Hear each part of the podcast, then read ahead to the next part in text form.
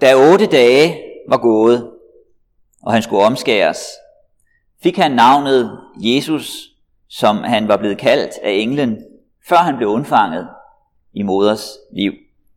Amen.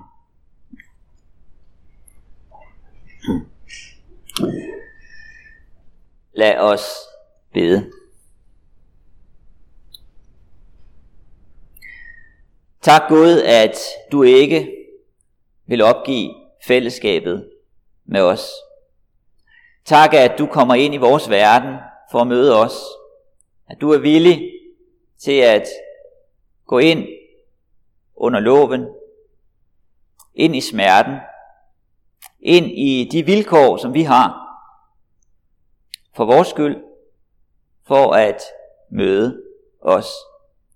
Vi beder så om, at vi må få et møde med dig, at du også vil være sammen med os den her formiddag, at du vil kalde os, forme og danne os, og at vi må gå den vej, du kalder os.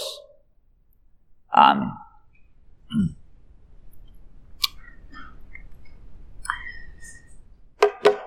Det her billede havde jeg også sat på ved introduktionen, og som jeg sagde der, så har jeg sat temaet frimodighed over det, jeg vil sige i dag.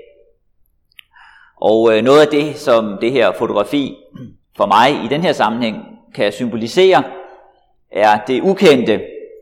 Det man ikke ved, hvad er. Det man står overfor, og det kan give en tøven, en øh, usikkerhed, som man kunne forestille sig, at personen her har. Og det er jo så også det, vi står overfor, når vi står i et nyt år. Det er det, som kendetegner fremtiden, at vi ikke kender den. Vi har ikke været der. Det er det, som kendetegner tiden, og som vi bevæger os ind i hele tiden. Vi har ikke været præcis der før. Og det kan give en tøven og en usikkerhed. Men samtidig så er der også, som vi hører i dagens tekster, et kald. Et kald til os om at gå. Og dermed også gå ind i det, vi ikke kender. I forgårs, i søndags, julesøndag, der hørte vi om øh, Jesus i Lukas 2 og i Galaterbrevet 4, hvordan han går ind under loven for at befri os fra døden. Og øh, det er noget af det samme, vi møder i dag i den tekst, jeg lige har læst stadig fra Lukas 2 om Jesu omskærelse. Han møder smerten og omskærelsen og loven og sædvanen og de ting, han går ind under fra begyndelsen af. Og så får han navnet Jesus, Gud frelser. Han gik ind i det for at løskøbe os. Og den begivenhed der, julens budskab,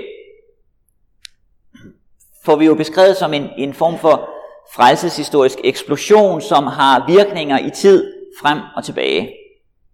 Virkninger tilbage til løfterne, tilbage til det, som skete før, og frem i tiden mod det, som kommer. Abraham, som vi hørte om i den første læsning, som Rebekka læste for os. Han stod som et, et eksempel i Bibelen på troen. Og hans tro og hans handlinger peger frem mod os. Der møder vi beskrivelsen her i læsningen, hvor Gud siger til Abraham, forlad dit land og din slægt og din fars hus og drag til det land, jeg vil vise dig. Her er der til ham et kald til at bevæge sig ind i det, han ikke kender. Ind i det land, han ikke kender. Fra det kendte til det ukendte. Og så kan han gå den vej med frimodighed, fordi Gud kalder ham til det, til at gå den vej. Og her er der jo flere paralleller til os. Vi er også kaldet. Du er også kaldet. Kaldet til at gå i tro, i tillid, ligesom Abraham var, var det. Og øh, i de skridt, vi tager, og i det liv, vi tager, der må vi forholde os ret til det, vi forlader, og til det, vi går ind i. Det, som kan ske, når vi forlader noget, det er, at det kan få en magt over os øh, på en måde, som det ikke burde have. At vi i virkeligheden ikke forlader det sådan, som vi egentlig burde. Og der kan også ske det, at fremtiden, det vi går ind i, det vi ikke kender, sætter en grænse for os, så det får en magt over os, som det ikke burde have. Og der er det, at løftet bliver ganske afgørende. Løftet til Abraham, som er afgørende for, at han går, og løftet til os, som vi må bære med os. Der peges på velsignelser, på at i det at gå på Guds kald, der ligger der en velsignelse. Og her er det så også, at øh, navnet Jesus kommer ind. Guds frelse kommer ind som det afgørende omdrejningspunkt for løftet, og dermed for vores kald, vores skridt og vores liv. Noget af det, som fortiden jo kan gøre ved os, det er, at den kan være en byrde, om det er 2018, eller det er noget, der ligger længere tilbage. Vi kan opleve fortiden som noget tungt, som noget, noget glædeligt også, men også som noget, der kan have et vidnesbyrd imod os. Som en anklage. Som en beretning om vores liv, som binder os. Men der er det så, at vi hører om Jesus.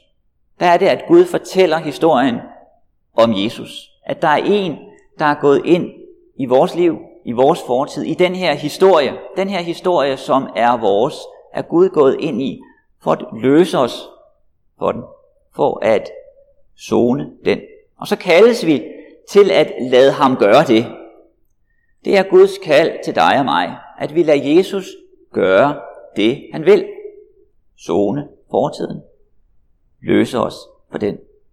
Lad ham gøre det. Og på den baggrund er der så også et løfte, et løfte til fremtiden. Og så er det, at vi får at vide, at som Abraham får det at vide, forlad dit land, din slægt, din fars hus, og drag til det land, jeg vil vise dig. Eller sagt på en anden måde. Forlad 2018 og gå ind i 2000. Og man kunne jo sige, at det kan lyde som et mærkeligt kald, for det går så at sige af sig selv. Om vi vil det eller ej, så er det sådan, det går. Men vi kaldes også til at gøre det på den rigtige måde. Gøre det på baggrund af Guds kald. Når vi kigger på det, som kommer på 2019, så er der flere ting, der kan tage vores frimodighed. Det kan der være på politisk plan, kirkeligt plan og for os som enkeltpersoner. Det kan være politiske diskussioner, klimakrise, det kan være kirkens elendighed, en masse forskellige ting, som kan gøre, at vi mister frimodigheden. Men så er det, vi midt i alt det, som ligesom kan fange os, fylde vores bevidsthed, tage vores tanker og, og, øhm, og gøre, at, at vi tøver. Der er det, at vi møder Guds kald og Guds løfte. At Gud kalder dig igen og igen til at se væk fra dit eget og hen på hans. Ikke fordi dit eget er ligegyldigt, men for at du skal få et ret forhold til dit eget. Forlad dit land og drag til det, jeg vil vise dig. Og så tag forråd med. Det gjorde Abraham jo også. Han var rig, og han tog forskellige ting med sig på sin rejse. Og sådan kan vi jo også overveje, er der noget i 2018, som jeg med fordel kan tage med mig? Har jeg et forråd i fortiden, som er godt, som jeg kan øh, tage med mig? Og jeg vil bare nævne et øh, eksempel her. Øh, i, øh, jeg havde en gudstjeneste midt i november 2018 her i kirken, hvor jeg også nævnte øh, en øh, kanadisk professor i psykologi, Jordan Peterson, som nogle af de tilstedeværende også kender, fordi jeg har talt med nogle af de tilstedeværende om det. Øh, han havde været i, øh, i Danmark på det tidspunkt, da jeg nævnte ham, og blevet interviewet i Dansk TV, og holdt foredrag i Bremen Teater, og interviewet Svensk TV, og forskellige andre steder. Og jeg øh, berettede så også om til den gudstjeneste der i november, at jeg havde prøvet på biblioteket at få fat øh, på en, en bog af ham, 12 regler for livet, men der var lange ventelister. Så nogle dage senere var der en, som var til stede her, som kom og gav mig bogen, som vedkommende selv havde sit eget eksemplar, som jeg så kunne, kunne læse, og vi havde en samtale om det. Øh, der er ting, man kan kritisere den bog, men der er også en del ting, man kan lære af. Og jeg tænkte her at nævne en af pointerne i den bog, som jeg tænkte, at jeg kunne tage med mig fra 2018. Noget af det, som vi jo gør som mennesker, det er, at vi spejler os i hinanden. Det øh, kan vi ikke undgå. Og der kan være en spejling, som er øh, sund, som vi lærer noget af, og så kan der være en spejling, som er usund. Der kan være en læring, der er usund. Øhm, når vi spejler os, så er det jo fordi, vi også er en del af et fællesskab.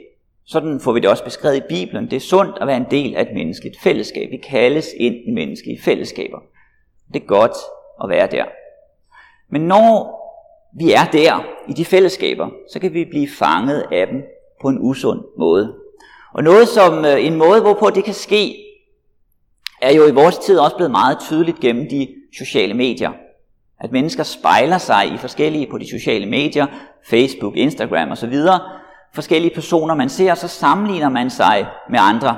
Ser om man er lige så dygtig og lige så smuk og lige så klog og alt muligt andet som de andre. Og det, som bliver lagt ud på Facebook, det er hele tiden succeshistorierne. Om middagen, der lykkedes, og juleaften, der lykkedes, og alt muligt andet, der lykkedes. Det er de gode historier.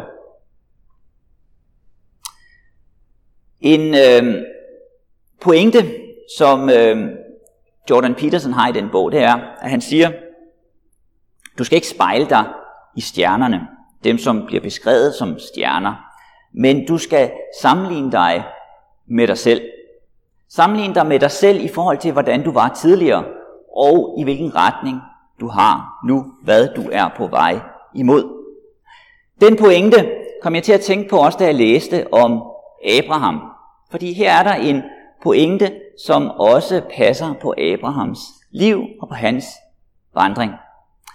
Abraham, han blev kaldet han blev kaldet til at gå ind i det land, som Gud havde lovet ham, han skulle have. Han skulle på vej imod. Og hans liv bevægede sig jo så. Han var på en vandring hen imod det. Og så kunne han sammenligne sig med sig selv, så at sige. Han kunne sige, hvor var jeg for en måned siden, eller to måneder siden, og hvor er jeg nu? Bevæger jeg mig i den rigtige retning? Det var hans kald. Der var noget her, som særligt var hans kald. Og der øh, gav det ingen mening for ham at begynde at sammenligne sig med andre, som var på vej andre steder hen. For det var ikke hans kald. På lignende måde må vi også være klar over, hvad der er mit kald, hvad der er min opgave. Og så sammenligne mig med mig selv fra hvordan jeg var før og hvor jeg er nu. Er jeg på vej i retning mod det, som er mit kald, det som Gud kalder mig til? Og det er jo sådan, at der er nogle ting, der er fælles, og så er der nogle ting, der er specifikt for dig og mig. Der er nogle ting, der er fælles, fordi der er et kald, der er givet til os alle sammen. Vi er alle sammen kaldet til fællesskab. Fællesskab med Gud og mennesker. Vi er alle sammen kaldet til at gå ind i Guds løfter og være der. Det er fælles for os alle sammen. Men så er der også noget, der er specifikt, der er særligt. Der er noget, der er særligt af dit kald og mit kald. Den her dobbelthed mellem det overordnede og det særlige, det møder vi også i Jesu liv. Jesus har også et særligt kald, som er særligt hans. Han var en del af en bestemt familie. Han levede på et bestemt tidspunkt. Han var en del af en bestemt kultur osv. Abraham havde et særligt kald. Øh, når han skulle rejse fra et sted til et andet, så kunne han ikke tage en, en jeep eller en sportsvogn, fordi han levede på en anden tid end i dag. Han måtte tage kameler og hvad han nu ellers havde. Han måtte spise, hvad der var en del af kulturen osv. Når vi læser om Galatermenigheden, som, som vi hørte om i, i den anden læsning, som Rebecca læste for os, de havde også nogle særlige problemer, som var deres. Kampe om omskærelse og forskellige andre ting, som var særligt deres. På lignende måde er det i dag med os. Vi er alle kaldet med hver vores liv til at fastholde vores liv i det, som har evighedsbetydning. Fællesskabet med Gud og med mennesker. Men så er der også noget, der er specifikt, som er særligt. Som er særligt for Emdrup Kirke, der hvor vi er, i den tid, hvor vi er.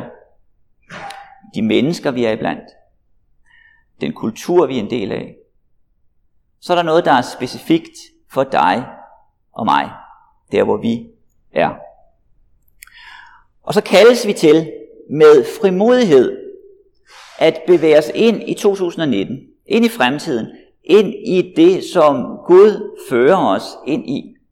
Både som det overordnede, at være i hans løfte, og som det særlige, som er dit og mit. I det er der noget, der er uoverskueligt. Sådan er det. Det er det, som øh, kendetegner fremtiden. Det er den karakter, den har. Fremtiden er per definition for os uoverskuelig. For vi har ikke været der. Det er ukendt land. Men alligevel, så kan vi gå ind i det med frimodighed. Og det kan vi, fordi det er det, Gud kalder os til. Når vi går ind i fremtiden, som Gud kalder os til, så går vi i virkeligheden ham i møde. Ham vi kender. Ham, der kommer os i møde i fremtiden. Og så kan vi gøre det med frimodighed. Vi er kaldet til at tage et skridt ad gangen, en dag ad gangen, og så hvile i det. Det er dit kald, og det er mit kald. Amen. Vi tager nu et minuts stillhed, inden vi beder Kirgebünden.